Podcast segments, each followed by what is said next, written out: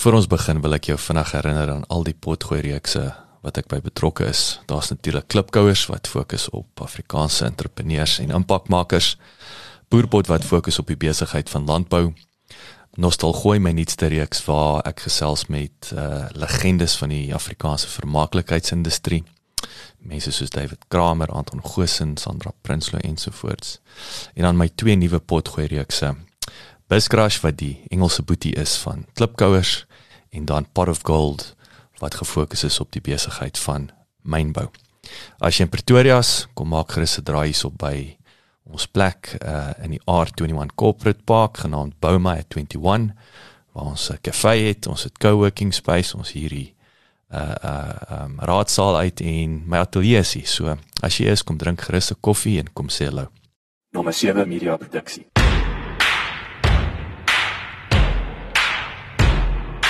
Welkom by die Boerpot Potgooi reeks waar ons fokus op die besigheid van landbou. Moenie vergeet om na ons ander potgooi reeks genaamd Klipkouers te luister waar ons fokus op Afrikaanse SMEs en hulle suksesverhale reg oor die wêreld. Koos Jansen van Rensburg is 'n gebore en getoe Vrystater. Maar het nadat hy sy BCom graad aan die Universiteit van Oranje Vrystaat verwerf het en 15 jaar as ouditeur in Bethlehem gewerk het, etlike jare in die Wes-Kaap deurgebring uiteindelik as bedryfsdirekteur van Kaap Agri. Hy het 15 jaar gelede egter teruggekeer Vrystaat toe, toe as besturende direkteur van VKB in Ryds aangestel is. Koos praat pad langs oor die 150-jarige geskiedenis van die koöperatiewe landboubesighede soos VKB in Suid-Afrika. En hy wil graag sien dat VKB as maatskappy homself as die onbetwisbare leier in plaaslike landboubesigheid vestig. Lekker leer en lekker luister. Maar vertel 'n bietjie die manne en die dames, wat wat is jou storie? Waar het jy groot geword? Weet wat is die pad wat jy gestap het waar jy nou hierso sit vandag? Ja, ek ek is 'n gebore en getoe Vrystater, Bloemfontein groot geword. Uh daar skool gegaan uh by in die hoërskool sentraal en toe my diensplig gaan doen aanvanklik ook in Bloemfontein. Uh Na my diensplig het ek uh universiteit toe gegaan. My oorspronklike doel was om medies te gaan swat. Maar in my diensplig jare het ek uh op 'n stadium 'n bietjie 'n uh, ongemaklike ervaring gehad wat my net geleer het dat bloed bloed is nie vir my nie. Uh so ek moet iets anders gaan probeer. Uh en en toe het daar baie idees in my kop rondgeloop waarvan landbou een was, maar ek het geweet ek het nie die geleentheid om om te gaan boer nie. So op die oomblik het ek gaan wil amper sê bekom swat eintlik omdat ek nie mooi seker was wat ek wou swat nie. Ehm um, Ek het dieselfde geswat, so maak dit duidelik dis nie omdat die maklikste was nie. ja, en en op die eind gekwalifiseer as as ouditeur en in Bloemfontein geartikel en uh by wat vandag PwC is en en hulle het vir my gesê die eerste geleentheid vir vennootskap is in Bethlehem. En Bethlehem in Oos-Vrystaat, dit was vir my 'n aantreklike wêreld. Ek het Bloemfontein is warm en het min reën op my sin gekry. Ek hou van van reën. Ek hou van groen wêreld en toe Bethlehem toe geskuif eintlik om 'n vennoot te vervang wat so oor 2, 3 jaar sou aftree en op baie stadium toe ek land daar toe is daar een van die jonger vennote wat toe 'n nou ander geleentheid gekry het en huis toe weg en ek het toe in sy plek uh, vennoot geword. Dalk 'n bietjie te vroeg. Ek wou nog eers die wêreld gaan verken en toe ek nou vennoot word, toe uh, was die buitelandse sekonderings net nie meer aan nie. Hulle het net gesê nee, hulle is nie bereid om jy op daai vlak uh daai uh skuif te laat maak nie. Ons jy is nou amper jy's te vroeg senior gewees en en dan kon jy nou want ek weet die PwC ons skuif mos 6 maande op beslag. Kan jy lekker die wêreld sien, né? Dis reg en is presies wat gebeur het. Hulle het gesê jy's nou 'n vernoot in Suid-Afrika, so jy sal nie bereid wees uh, hulle hulle in, in Europa daai tyd het Leonie is gevat as 'n as 'n oudit bestuurder nie. Hulle het jou gevat as 'n oudit senior en gesê maar hulle jy sal nie bereid wees om daai stap terug te gee nie. Wat ek wel bereid was, maar maak nou nie saak nie. Dis ja. water onder die brug. Uh toe hier rondom 40 het my vrou gespot en gesê jy weet sy weet 'n man verander of sy werk of sy vrou hier rondom 40 sy verkies dat dit maar my werk is want ek het net op 'n punt gekom waar ek gesê het ek weet nie of ek vir die volgende 20, 30 jaar nog steeds ouditeur wil wees nie. Dit dit, dit net nie vir my aantrek. Hoe lank was jy toe nou aan die gang? Dis is al goeie wat 15 jaar ja, of wat? 15 jaar omtrent ja. Ehm um, maar VKB was op baie stadium een van ons kliënte gewees. Ons het die audit van VKB gedoen. En my hele kliënteportefeulje was eintlik landbou en landbou verwant. So ek meen daardie liefde van landbou en die feit dat ek dalk wou landbou studeer op 'n indirekte wyse was jy betrokke by die landbou. En en toe die geleentheid gekom om die CEO te word of die bestuurende direkteur van 'n van 'n landboubesigheid in die Kaap wat toe 'n klein koöperasietjie was, maar omdat dit nie 'n vreemde wêreld vir my was die landbouomgewing nie, uh het ek die geleentheid aangegryp en daai klein koöperasie op die einde deur 'n paar amalgamasies gegaan uh tot wat uh vandag Kaap Agri is. Kaap Agri Groep spesialiseer vir 108 jaar reeds in klein en groothandel in die landbou, brandstof en verwante kleinhandelsbedrywe in Suidelike Afrika. Met hul strategiese voetspoor, infrastruktuur, fasiliteite en kliëntenetwerk volg Kaap Agri 'n gedifferensieerde markbenadering. In hul bystand aan die kern kleinhandelsbesigheid bied Kaap Agri ook finansiële, graanhanterings en agentskapsdienste. Kaap Agri beskik ook oor meer as 200 operasionele punte wat strek oor 95 stede, dorpe en plekke en benewens die Wes-Kaap areas ingesluit soos Namibië, sowel as Limpopo, Mpumalanga en Gauteng. En uh die laaste amalgamasie was tussen Boland Agri en WPK om Kaap Agri te vorm en, en ek was die bestuurende direkteur van Boland Agri en my goeie vriend uh Corwyn Botha was die bestuurende direkteur van van uh, WPK gewees. Uh, Corwyn was ja wat ouer as ek gewees en en ons het toe ooreengekom hy sal die bestuurende direkteur van Kaap Agri wees en ek die bedryfsdirekteur wat eintlik vir my die goed gegee het wat vir my lekker is, die, hmm. die operasies van die besigheid.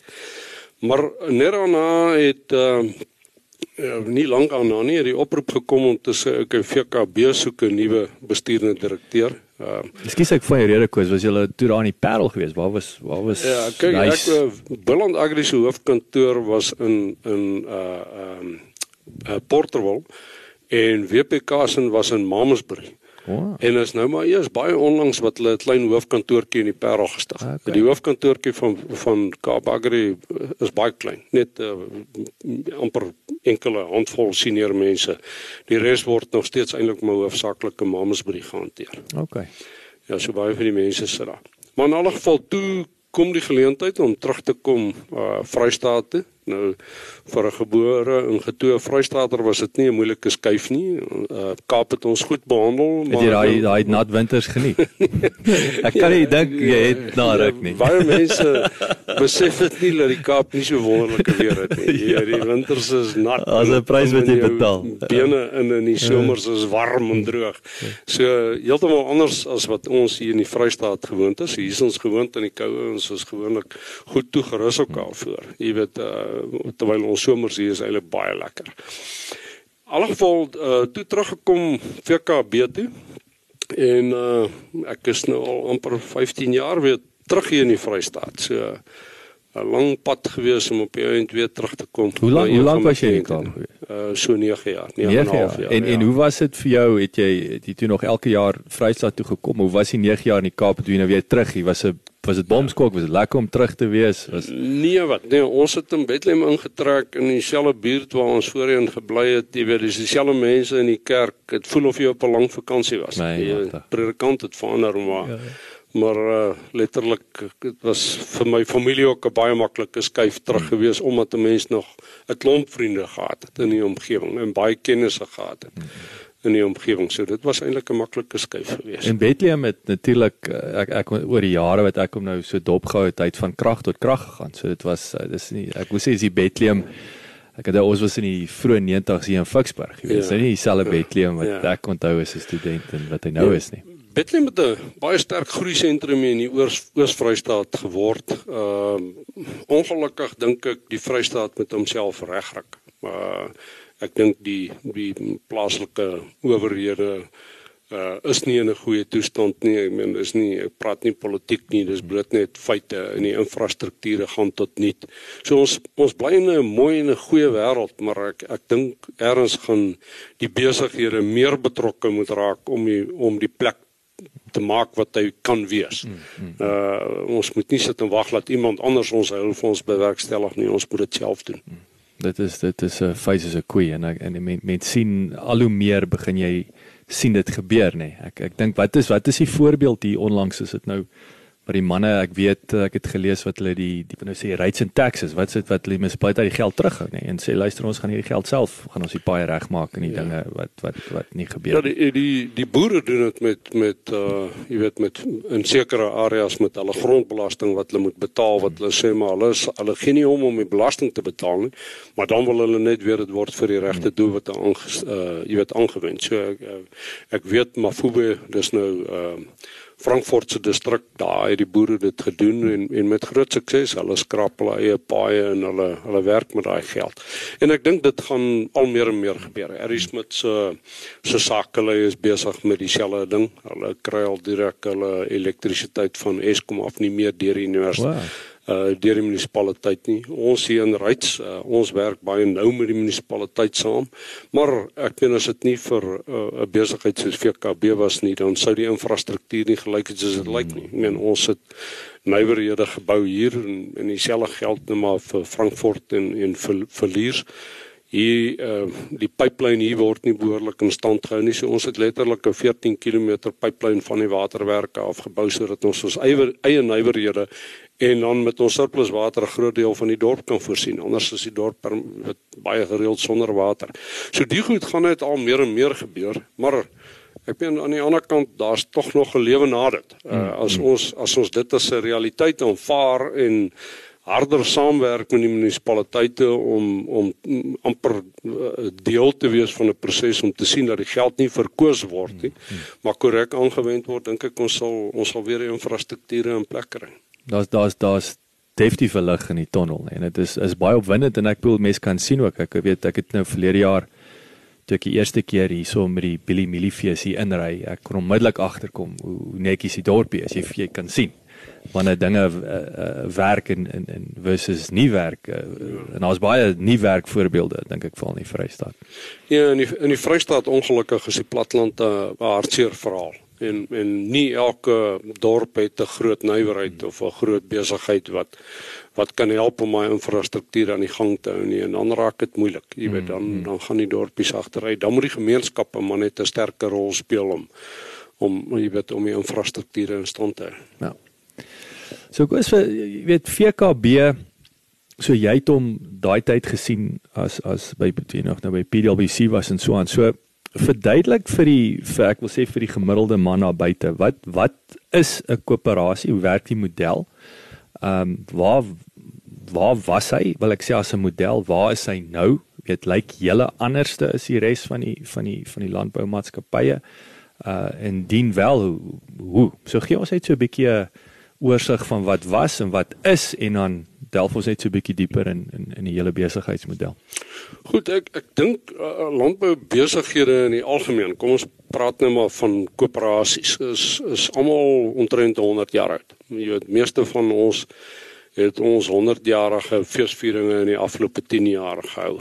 Ehm um, En dit het eintlik in die Kaap begin. Die eerste koöperasie is in die Kaap gestig en die werk van daai koöperasie was om die guano van die Voëleilande uh af te gaan haal en met skepe aan te ry sodat die boere kunsmis het om te plant. En die boere het 'n koöperasie gestig omdat een een kon nie met sy bootjie daar oor roer nie. Hulle het groter skepe nodig gehad om die guano aan te ry. So dit was eintlik die oorsprong van die van die eerste landboukoöperasie. Ek praat nie van wynkoöperasie nie. Ja. Dis 'n dis 'n ander saak.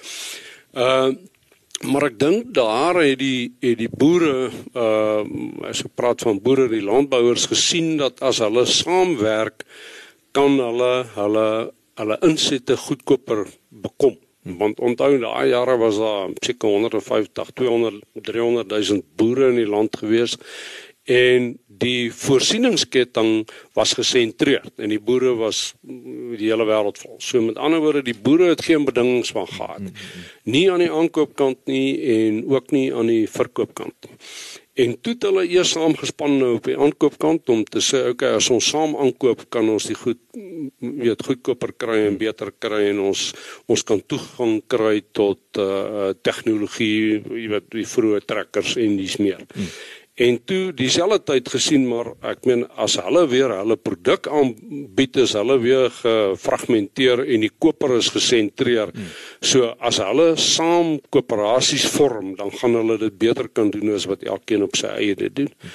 Nou ek meen dis 'n baie maklike beginsel, maar uh uit hierdie beginsel uit is op 'n baie beskeie skaal het hierdie besighede uh, beslag gekry en die en die en die koöperasies het gegroei uh tot dinamiese besighede. Baie van ons koöperasies, as ek dit vandag nog koöperasies kan noem, is is groter as meeste genoteerde maatskappye op die Johannesburgse effektebeurs uh in terme van grootte. Mm -hmm. Maar omdat hulle 'n spesifieke doel gehad het en dit is met ander woorde om die die klimaat te skep waar binne die landbouprodusent sy werk kan doen. Mm -hmm. En sy werk is om te produseer. Uh, uh is dit ook 'n 'n 'n bietjie van 'n beperkende faktor want jy wil nie geld uit jou uit jou eienaars uitmaak nie want die hmm. die boere is baie dun lyn klante en die boere selfe tyd ook die kliënte. Hmm, hmm, Ag hulle is die eienaars en die kliënte van dieselfde besigheid. So jy het maar die hele tyd daai uh, onderlinge konflik. Toe ongelukkig het die regering heeltemal 'n ander visie vir koöperasies gehad as as wat die boere dit het. Hulle het, hulle het gesien dis 'n ondernemingsvorm van uh, uh vir vir klein besighede. Jy weet eintlik vir die opkomende mark. En hulle het die wet verander om te sê omdat dit 'n koöperasie is, moet daar 60% van jou lede teenwoordig wees as jy 'n algemene jaarvergadering het. Nou 'n besigheid soos VKB het 6000 aandeelhouers. Daar's geen manier hoe jy 60% 60% by 'n algemene jaarvergadering gaan kry nie. So die wet het dit prakties onmoontlik gemaak om om uh, aan te bly as as 'n koöperasie. En toe het baie landboubesighede omskep in uh maatskappye. Jy weet so daar's eintlik baie min koöperasies nog. Hoor. Ja. So wanneer dit so wanneer net om terug te gaan na die die Kaap voorbeeld, wanneer daai boere die guano so begin aankoop. Oh, dis seker 150 jaar terug. O, so dis ja, dis baie lank terug en en en, ja. en en wanneer het hierdie wetgewing toe nou verander? Hierdie wetgewing het so 'n bietjie meer as 10 jaar terug het okay. verander. Kom ons so sê nou 15 nuwe onder die nuwe verdeling het. Ja. Daar was 'n klomp wat uit politieke vrese uit omskep het. Jy weet, omdat die regering baie snaakse syne oor koöperasies en landbou begine maak het en die en die silo's wat eintlik ons heiligdom hier, hier in die noorde is, het 'n uh, party gevoel hulle voel veiliger onder die maatskappystrukture as as in die koöperasiestruktuur.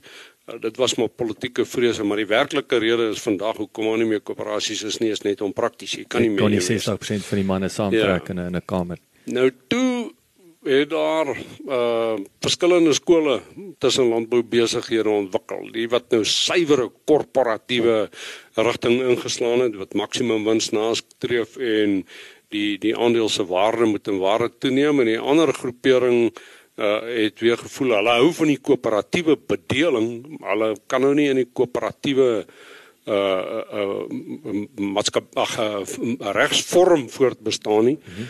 en en dit het aanleiding gegee dat ons in die in die oudit praktyk eintlik destyds 'n beginsel ontwikkel het wat ons binne perke van die maatskappywet die maatskappy opgestel het om die die koöperasie se bonusstelsel te verander in 'n aansporingskorting. So ons bedryf, ons maatskappy VKB is vandag 'n maatskappy, ons bedryf hom eintlik maar nog op baie sterk koöperatiewe beginsels mm -hmm. waar ons vir die vir die aandeelhouers wat ook ons klante is op grond van sy besigheid wat hy met ons doen 'n aansporingskorting gee eerder as 'n 'n kapitaalgroei en 'n groot dividend op grond van sy aandelehouding. En daar is nog sulke landboubesighede in Suid-Afrika, ongelukkig minderig. Ek dink GBK is nog 'n goeie voorbeeld en en SSK daaronder in die Kaap Sentraal Suid Koöperasie, jy weet dis amper die drie enigste koöperatiewe landboubesighede alhoewel ons maatskappye is het ons nog 'n sterk koöperasiekultuur uh wat wat ek dink ons meerde dinge 'n voordeel is. Uh, ek meen want uh, ons is net sulke groot besighede en net so dinamies soos enige ander een, maar ons geniet uh, die 'n uh, uh, um, uh, loyaliteit van ons klante af.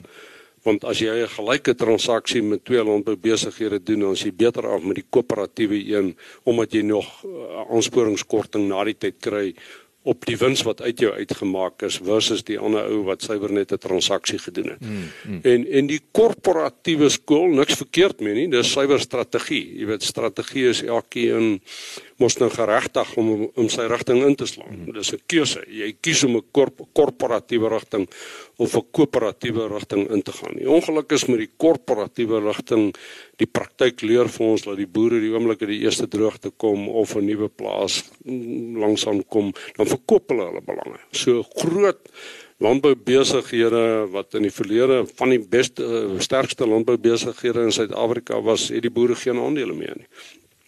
Uh wat wat ehm um, die een van die redes is hoekom VKB sy koöperatiewe kultuur baie sterk bewaar en eintlik streng reëls het in plek sodat sodat uh, daar nie en, enkele opportunistiese generasie kom wat maklik die ding kan verkoop. Mm. Dit is moeilik, jy weet. Ek meen 75% van al ons lede moet ja sê sure. voor jy daai beginsel sal verander. Uh, en en ek ek neem aan weet om as mens nou suiwer koöperatief, weet die die realiteite en ons gaan nou nie name noem nie, maar baie van hierdie maatskappye is nie eers meer Suid-Afrikaanse besit nie. Ek dink ja, en dis weer dis wat VKB wat spesiaal maak. Dit is ja. Suid-Afrikaanse boere wat wat in die geld bly hier.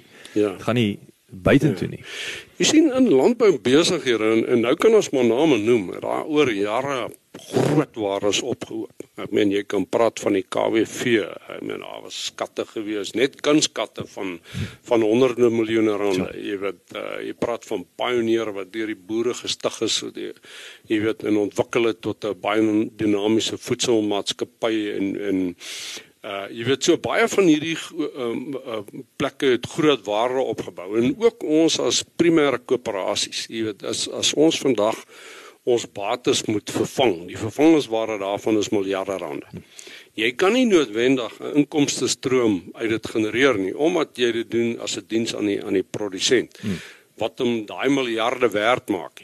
Maar dit bied tog geleentheid vir sogenaamde asset strippers. Hmm. Hmm. Iemand wat inkom en sê ek wil beheer kry oor hierdie plek. Ek verkoop die die prime bates van hierdie jy weet die letterlik die juwele uit hierdie besigheid uit en ek maak meer geld as wat ek uh uh jy weet verkoop. Mm -hmm. En so het landbou besighede byvoorbeeld baie aandele in in Pioneer gehad en van hulle is verkoop jy weet die Pioneer aandele is verkoop en die ouens het met meer oorgebly of met 'n besigheid oorgebly uh, en al hulle geld laat terug in hulle sak gehad. So ek dit gebeur maar op primêre landbou vlak ook. So dit is 'n risiko, ou moet dit maar die hele tyd in die oë kyk en en en daarom is daar streng reëls in die akte van oprigting inge jy weet gebou van 'n plek soos VKB om te keer dat laat 'n batestroper hom nie nou sommer net kan kan kom uh jy weet opkoop en en vinnig klomp kontantheid om uit ontsluit nie.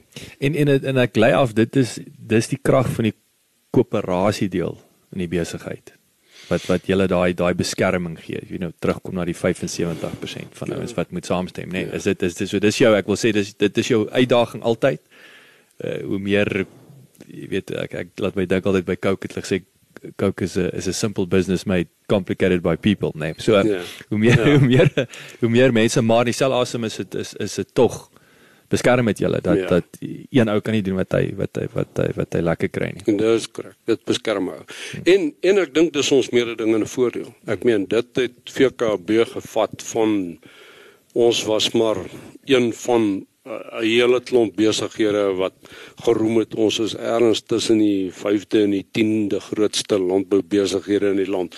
En en ek meen grootte is relatief is nie noodwendig belangrik nie, maar die besigheidsmodel is tog vir baie boere aantreklik. Ehm um, en dit het gemaak dat uh, eh, VKB wat 'n uh, wat 'n relatiewe baie gesonde besigheid maar relatiewe klein landbou besigheid was, suiwer in die Oos-Vrystaat uh, gesetel was uitgebrei het waar ons takke tot in Messina het hmm. en in KwaZulu-Natal in het en 'n 30% belang het in BKB wat vir ons eintlik 'n nasionale voetspoor aan die ooste kant van die land gee van letterlik van die Kaap af tot in Messina.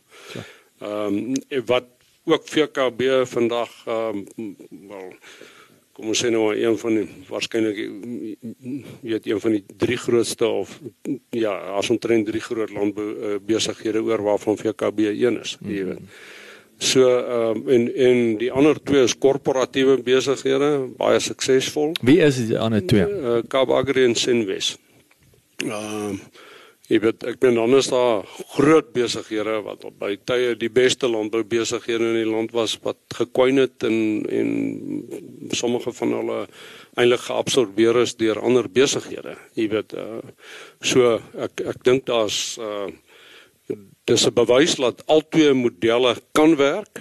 Uh die korporatiewe sowel as die koöperatiewe model, maar hier by VKB is die koöperatiewe model nog 'n baie sterk model en en ek hoop eintlik die volgende generasie voel ook nog so, want ek meen daar is mos nou nuwe jong generasies wat inkom wat dalk anders dink oor besigheid as as die afgelope 100 jaar maar as jou resep vir 100 jaar suksesvol was en nog steeds suksesvol is, dan hoekom nie voortgaan daarmee? Daar's altyd ruimte om uit te brei en in VKB het ons dan nou eintlik die tradisionele landboubesigheid wat 100 jaar oud is. Uh hy is 'n koöperatiewe model en dan het ons 'n nywerheidsbeen wat ons gesê het uh, ons gestig het om om jy weet die ware toe te voeg tot die boere se uh, produkte wat in ons gebied hoofsaaklik geelmielies en soja is. Uh en en dit het ons gesê is 'n korporatiewe model. Jy weet daai besigheid moet in waarde groei en hy moet éventuele 'n dividend hy bedien aan 'n aan 'n besigheid. Dis is korrek. Nou waar die 100 jaar oud is, is die ander in amper sê die afgelope 10 jaar tot stand gebring. So hy's nog in sy kinderskoene. Mm, ek mm. mense Julle moet die soja sojaboon uh pers. Nou wat het ja, julle hier kyk, in, in ons het 'n hele klomp nywerhede. Ons het groot wit mieliemeelens waarvan die meeste nou in die Limpopo provinsie is. Uh en en ook een in Mpumalanga. En dan het ons die soja oliepers daar verlies langs die hoofweg. Jy sien hom daar van die pad af. Dan het ons 'n uh, koringmeele in in uh, Frankfurt en hier in in Ryds het ons die hele pluimvee abattoir wat jy weet wat ons die hele braaikuiken bedryf hier in die Oos-Vrystaat gestimuleer het. Nou hoender elke kilogram hoender bestaan eintlik uit 1.6 kg sojabone en geelmielies. Jy weet so dis uit en uit gestig om te sê ons moet 'n groter vraag na na mielies en sojas in ons eie gebied ontwikkel sodat die boere se produkte nie uitgevoer word teen uitvoerpariteit nie maar nader aan aan uh, sy binnelandse waarde moet verhandel. Ehm uh, so ek dink dit dit het definitief vir die boere groot voordeel ingehou. Uh ons moet nou nog net van die nywerhede self die sukses maak wat dit kan wees. Jy weet en dis harde pad. Ek meen al hierdie goed is uit die grond uitgebou. Dit was nie bestaande besighede wat 100 jaar ontwikkel is nie. So ons moes letterlik elke les wat ons geleer het op die kopstamp manier uh leer. Maar die, die uh, VKB Agri Processors is op pad en en ek dink oor 5 jaar vorentoe sal hy al heeltemal anders lyk as wat hy vandag lyk. So so die hele as ek dit kan opsom in in, in een sin, uh, jy weet dit wat jy die manier hoe jy hierso te werk gaan is ook hoe hoe maak jy daai mielieboere prysmaker uh, uh versus 'n prysnemer nê. Nee. Ek bedoel dit is soos jy nou sê jy uitvoer jy wat jy doen wat wat die res van die wêreld sê nê. Nee. So ja. jy jy stel hulle in staat om om om om meer prysmaker te te word as as nie. Ja, in 'n beperkte mate ja. As ek nou sê in 'n beperkte mate dan gaan dit net oor een ding, die volume wat ons produseer versus die volume wat in die wêreld geproduseer word, dis bitter klein, nê. Nee. Maar waar waar dit tog 'n uh, verskil maak is as jy 'n meule het of 'n voermeule, 'n veevoerfabriek in jou omgewing. Uh as jy hom nie daar het nie, dan is die prys van jou mielies randfonteinpryse. Met ander woorde daar word 'n vervoer diferensiaal afgetrek. Terwyl as daar 'n verbruiker in die onmiddellike omgewing is, dan spaar jy klaar, jy weet 150 200 300 rand net omdat die meule ding mee uh hoe groter die kompetisie plaaslik is om my mielies in die hande te kry, hoe raak die prys plaaslik en dan verloor die boer, dan kom ons op 'n punt waar ons nou soos nou 'n premie vir sojabone betaal waar in die verlede soja as eenvoudig teen 'n diskonto uitgevoer. Uh so die boere baat eintlik in hulle persoonlike hoedanigheid by hierdie nywerhede En dan die doel is natuurlik om sy produk nog addisioneel waarde toe te voeg waar hy vir 'n tweede keer kan deel via sy aandelehouding in in 'n besigheid soos VKB. Mm, mm. So VKB dit maak VKB eintlik die mees geïntegreerde landboubesigheid in die land. Ek meen ons begin by landbouvoorligting waar ons vir die produsente wat belangstel help om te besluit wat hoe moet hulle lande voorberei word en wat is die status van hulle lande. Dan die voorsiening van al hulle insette wat hulle nodig het. Uh dan produseer hulle hulle produk dan ontvang ons weer hulle produk hmm. uh hulle kan hom verkoop aan wie hulle wil maar ons is ook 'n koper vir hulle produk en dis 'n markverwante transaksie wat daar plaasvind en dan voeg ons nou weer ware toe tot daai produk en ons moet dit op die einde op 'n winsgewende basis kan doen om om van die korporatiewe deel van die van die besigheid dan nou ook 'n sukses te maak. Om op die einde sit ons finale produk eintlik op die verbruiker se tafel. Ons het tot kleinhandelswinkels uh waardeur ons ons eie hoender en mieliemeel en koringmeel en dies meer verkoop. Ja, dis dis dis dis baie indrukwekkend. Die die ek wil terugkom na die die besigheidsmodel is daar eh, wat jy nou kan aan dink is daar ander uh, industrieë in die land of in die wêreld wat soortgelyke buitekant landbou so model hardloop? Kyk ek die hele beginsel van waardeketting bestuur is is mos nou 'n baie bekende beginsel. Ek meen enige MBA klasse groot deel van sy eh, MBA student gaan oor waardeketting bestuur waar jy nie noodwendig al die kettinge al die skakels in jou ketting hoef te besit nie. Jy weet jy kan 'n skakel wees in 'n in 'n ware ketting. Kom ons van die motorvervaardigingsindustrie. Jy weet een maatskappy vervaardig die engine, maar hy hy uh wat sê Afrikaans vir outsource die vervaardiging ja. van die ligte en die vensters en die leersitplekke ja. en dis meer en hy optimaliseer net sy verskaffers sodat hy op die einde 'n goeie produk finaal bymekaar kan sit. Hmm.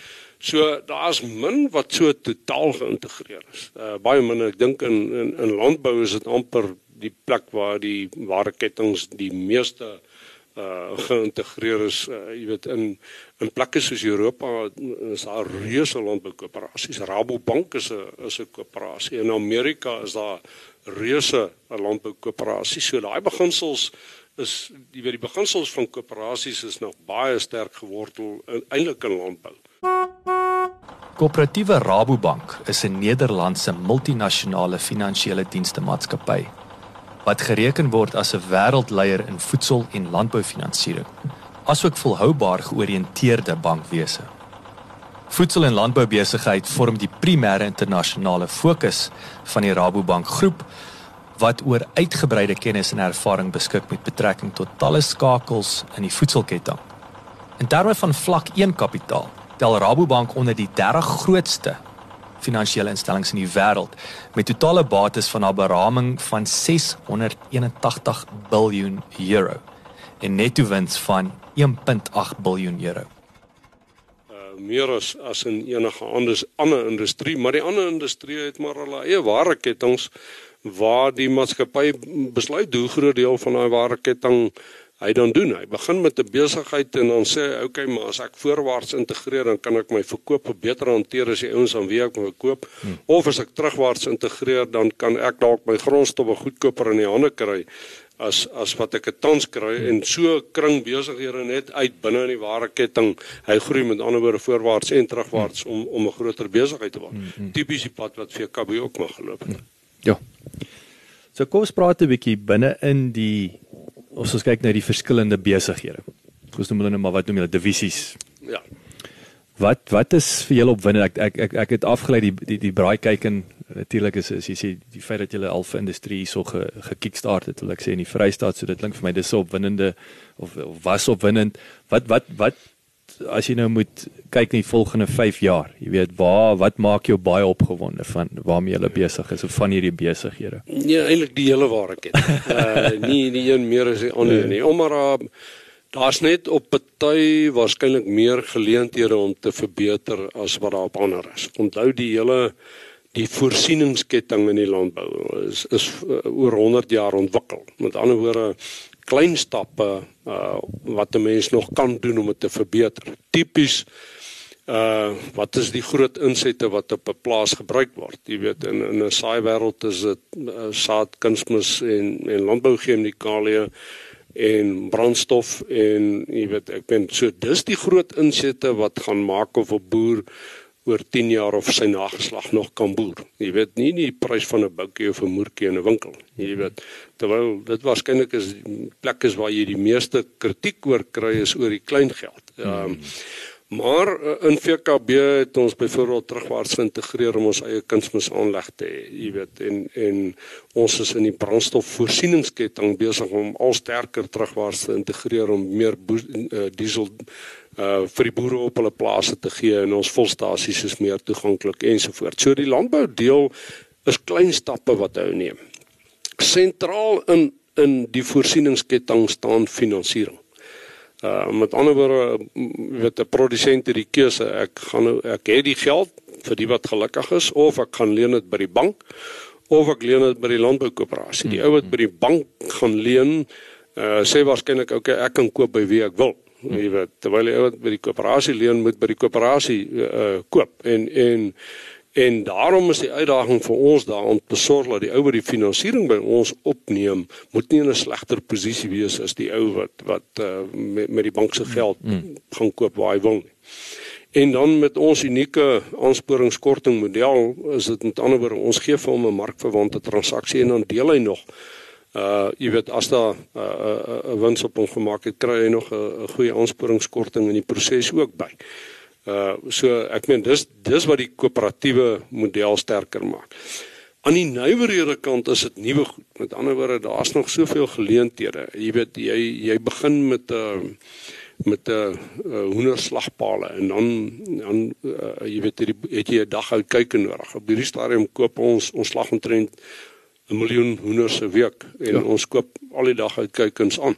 Ja, jy weet so daar's 'n geleentheid om een of ander tyd 'n uh, 'n uh, broeiery op te sit waar jy ten minste die helfte. Ons sal nie graag meer as die helfte van ons kyk en self wil uitbroei nie want ek meen ons het 'n uh, baie stabiele voorsiener aan die een kant en aan die ander kant jy wil nie al jou eiers in een mandjie spreekwoordelik hê nie. As daar 'n siekte uitbreek, dan moet jy twee bronne hê waar jy jou jou dag uit kykens kan aanvoer.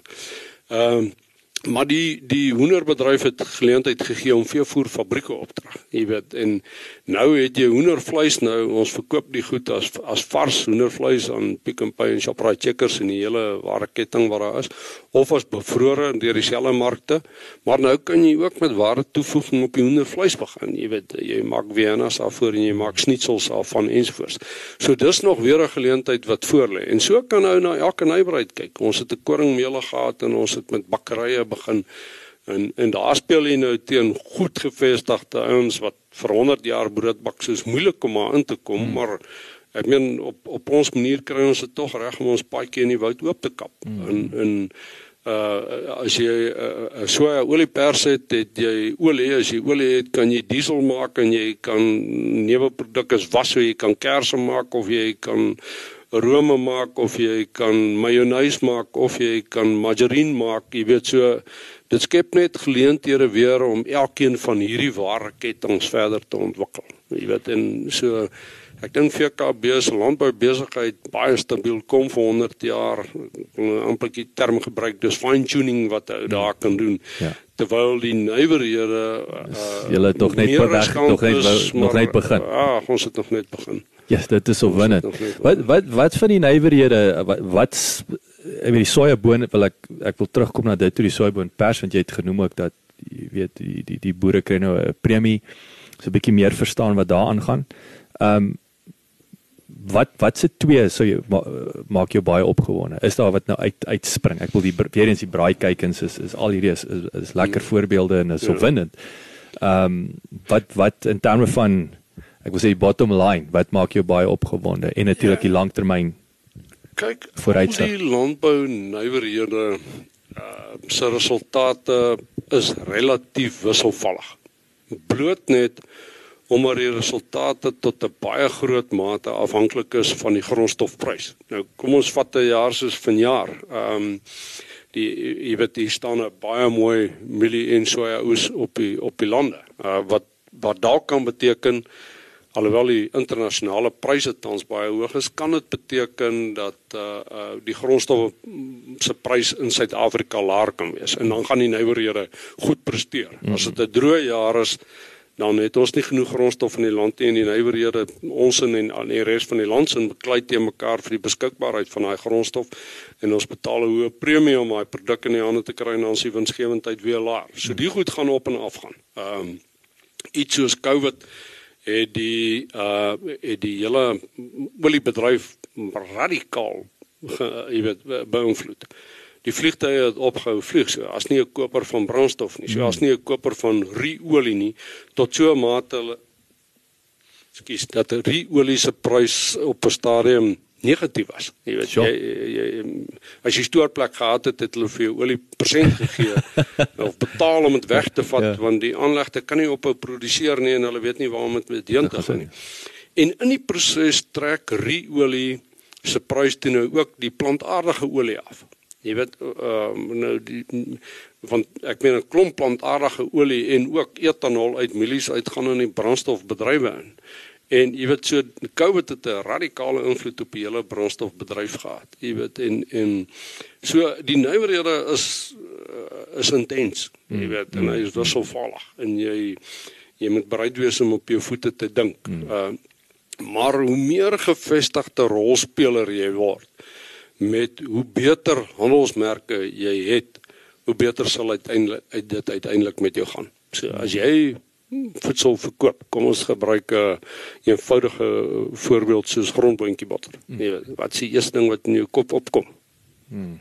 Black cat. Mm. Jy weet en en daar's ander grondboontjie botters wat net so goed is, maar die ja, huisvrou loop ons so black cat. Ja, jy weet, ja. jy kan soek black cat by die huis, jy weet. Uh so jy moenie die tweede beste handelsmerk en jy moet die beste handelsmerk en dit vat 'n groot investering in jare se bemarking en dit weet uh dieselfde geld vir uh, uh bladjang. Mm. Jy weet ek meen wat kom in jou kop op?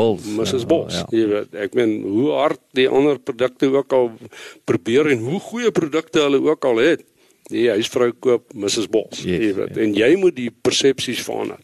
So ek ek dink die nywerhede is heeltemal 'n nuwe 'n nuwe area vir ons as as 'n landboubesigheid. Ons het nog baie om te leer. Uh maar dis opwindend. Uh jy weet wanneer 'n ander een stabiel is, wat lekker is. Uh jy weet as jy vanjaar uh, of dit nou goed gegaan het vanjaar met die boere of swak gegaan het, volgende jaar moet hy weer kunsmis en saad koop. Nee, jy moet net sorg dat jou transaksie reg is. Mm, mm. Terwyl uh, uh, op die nywerhede is elke dag 'n nuwe dag. Jy weet jy staan amper werkloos op jy moet jou werk gaan genereer. Jy weet. Dit laat laat my dink aan daai ou ehm um, wat ek altyd jy praat oor van olie. Ek dink ek aan uh, aan die ehm uh, um, Rockefellers en dan natuurlik ook met die gold rush in Amerika. Ons sê ja. selling spades to gold diggers, nê. Nee. Ja.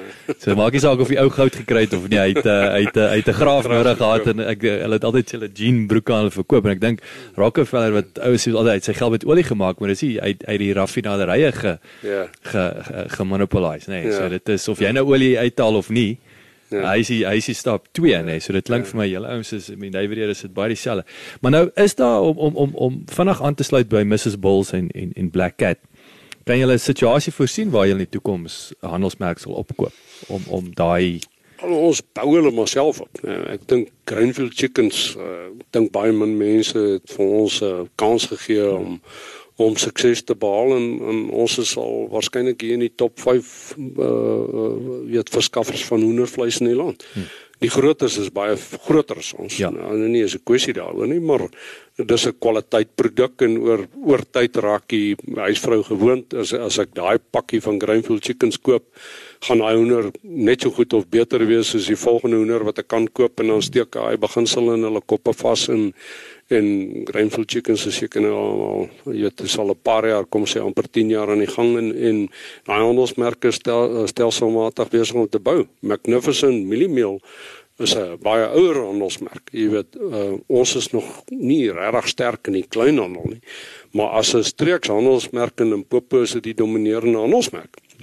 En die mense in Limpopo baie van hulle word as kinders groot aan hulle gaan werk in Gauteng. So ek meen nou is die volgende stap betree die kleinhandel dat jy jou produk wat bekend is hmm. uh in die mark nou net op 'n wyeer basis bekendstel en dan groei jy maar daarvan af. Jy weet, dieselfde met Supersure uh brood, jy weet en super so uh, koringmeel, jy weet of koekmeel en broodmeel. Mm, mm, mm. Uh dis maar goed wat met baie tyd en aandag kom en en weet geld wat jy agter die handelsmerk insit om op jou end die 'n sekere gedeelte van die verbruiker se kop net te vestig en te sê oor as ek instap dan soek ek Greenfield chickens ek soek nie hoender. Mm, mm. Uh so dis maar goed wat oor tyd kom nie.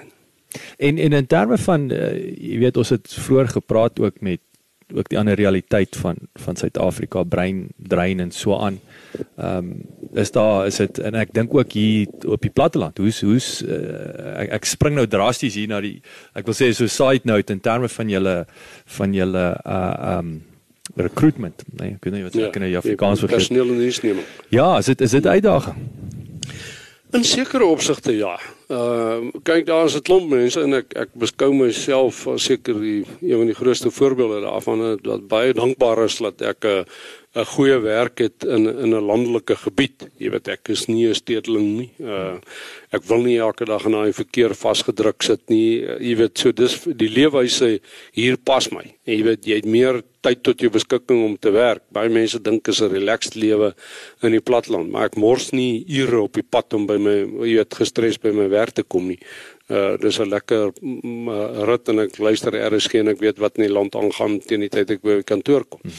Ehm um, nou uh jy weet so 'n uh, 'n klomp mense en en dit geld vir jong mense ook. Verkies dit om hulle kinders op die platland groot te maak. Ons het uitstekende skole ja, jy weet in in baie sentrums in die platteland so daar's uh, daar's geen rede hoekom jou kind nie dieselfde of net so goeie opvoeding sal kry hier as as ons stede nie en en party hou meer van die landelike omgewing. Maar daar is tog sekere areas. Ek meen as jy iets vat soos inligtingstegnologie. As jy in Gauteng is, het jy 'n pool van kundiges en ek meen hulle Hulle verander sommer oor nag van werk. Jy weet skuif van die een na daai een toe en weer oor môre oor is hy weer terug by hom. Terwyl as as hy by VKB kom werk, dan moet hy ryds toe trek en dis nie noodwendig vir daai ons almal aantreklik. Hmm. So dis dis amper meer op sulke gespesialiseerde gebiede. Hmm. Maar uh ek dink as ons na die deursnee personeel het van VKB kyk is ons bitter gelukkig. Ek dink nie ons werkerskorp staan in enige vlak terug vir enige plek in die land of of selfs in die wêreld nie. Jy weet ons het kundige mense, ons het genoeg daarvan. Dis net sekere skaars uh kennis uh, en ervaring wat wat dalk 'n bietjie meer problematies raak. En dan moet jy maar, die chequeboek uithaal seker. Jy moet of die chequeboek uitmaak, al of jy moet 'n omgewing skep waar jy sê, okay, as as uh, ek meen al ons rekenaar toerusting is uh, ons is net met met uh, veselglaslyne verbind met met ons toerusting. Die toerusting is nie meer hier in Ryds nie. Hmm. Toerusting staan nou naby die lughawe en daar in Midrand. Hmm. Jy weet so jy kan op die ount jou IT afdeling net dan ja, neersit as dit ja. nodig is of 'n komponent daarvan. Hmm. Jy weet die hmm. mense is met met met ons het soveel nuwe goed geleer met COVID. Ek dink dit het baie goeie uitvloeisels ook ten spyte van die hartseer wat dit gebring het. Ek meen ons kommunikeer op ander maniere met mekaar. Ons ry nie meer 'n uh, 3 ure om 'n uh, uur se vergadering te hou nie. Ons skakel eenvoudig 5 minute voor die tyd in en ons het 'n Teams vergadering met mekaar of 'n of 'n WhatsApp call of 'n wat ook al en jy sien nie 'n ander persoon Hmm. Uh, dis nie altyd so lekker soos om uh, een op een gesprek te hê nie, maar maar jy kan 90% van die werk so doen. Verseker so nê en dit is 'n uh, ek wil nou spot en jy hoef nie eers uh, jou pyjama broek uit te trek. jy weet netjies jy weet jy weet van van van die heupe af bo toe, dan moet jy netjies lyk. Like. Ek wil net daai en dis nou my laaste vraag Koos ek, ek gaan jou hele dag besig hou andersins. Dis vir my dis vir my verskriklik interessant. So ons nou gepraat van die talent. Um en die mense en natuurlik, jy weet die kultuur wat jy wat ek jy voor voor ons begin uh ek rekord gedruk het hoe belangrik kultuur in 'n organisasie is en is top down. Ek sê dit altyd. Dit begin die kultuur van 'n organisasie begin bo. Julle besluitnemingsproses. Jy weet nou nou het jy al hierdie aandeelhouers. Ehm um, jy jy jy jy het jou jy um, jou span. Jy weet hoe moeilik of hoe maklik is dit om om om strategies te beplan. Ehm um, is daar weer eens is daar klomp rolspelers in in daai besluitnemingsproses? Of is dit en dan ook saam met dit wil ek sê hoe vinnig ek wil nou terugkom na die olie olie toe die oil tanker sê ons 'n oil oil tanker kan nie 90 grade gedraai word jy weet so hoe agile is hoe vinnig kan jy hulle beweeg en dan ja daai besluitnemingsproses hoe lyk dit in in VKB kyk uh, 'n entrepreneur se besluitnemingsproses gaan altyd baie vinniger wees as enige groterige besigheid, medium tot groot besigheid, want ek meen jy moet deur formele besluitnemingsstrukture gaan. Maar dit verbeter waarskynlik die kwaliteit van die besluite wat geneem is. Jy weet 'n entrepreneur staan vanoggend op en dink oor ek wil hierdie gebou daar bou en hy kry jy weet iemand om die plan te teken en hy kry 'n kostebreeknaar. Party doen dit nie eens nie, hy begin sommer net bou. Terwyl as jy 'n onderneming soos VKB sit, uh, uh, glo ons baie sterk en dis my persoonlike slagspreuk is begin with the end in mind. Hmm.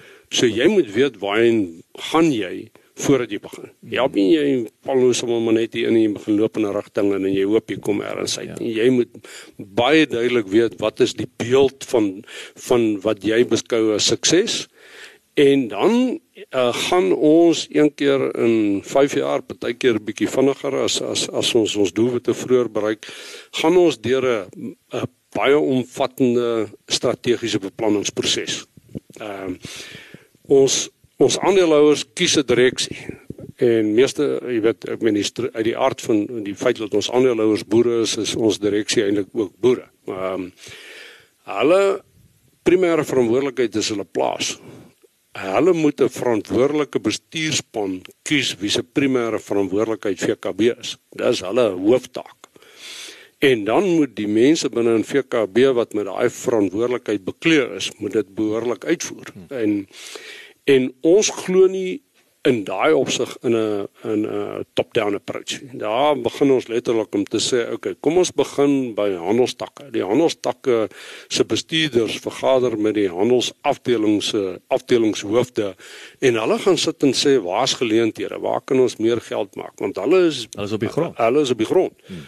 Iets wat ek meen elke takbestuur het elke dag met 100 boere te doen. Hmm, Jy weet, ek hmm, sien miskien 100 boere in 'n jaar. Hmm. Nou so hulle weet baie meer wat wat is die behoefte op grondvlak. En dan kom hulle weer hulle uh, uh jy weet uh, uh, uh takbestuurders kom daai gedagtes op na ons op 'n senior vlak toe wat dan gaan sit en sê okay, hier's al die gedagtes wat ons het. Uh in strategie is daar nooit 'n verkeerde gedagte nie, maar ons moet nou sif. Hmm. Tussen al hierdie gedagtes en ons moet dit wat vir ons die aantreklikste lyk uit 'n ondernemingsoogpunt uit moet ons dan nou nou verder neem.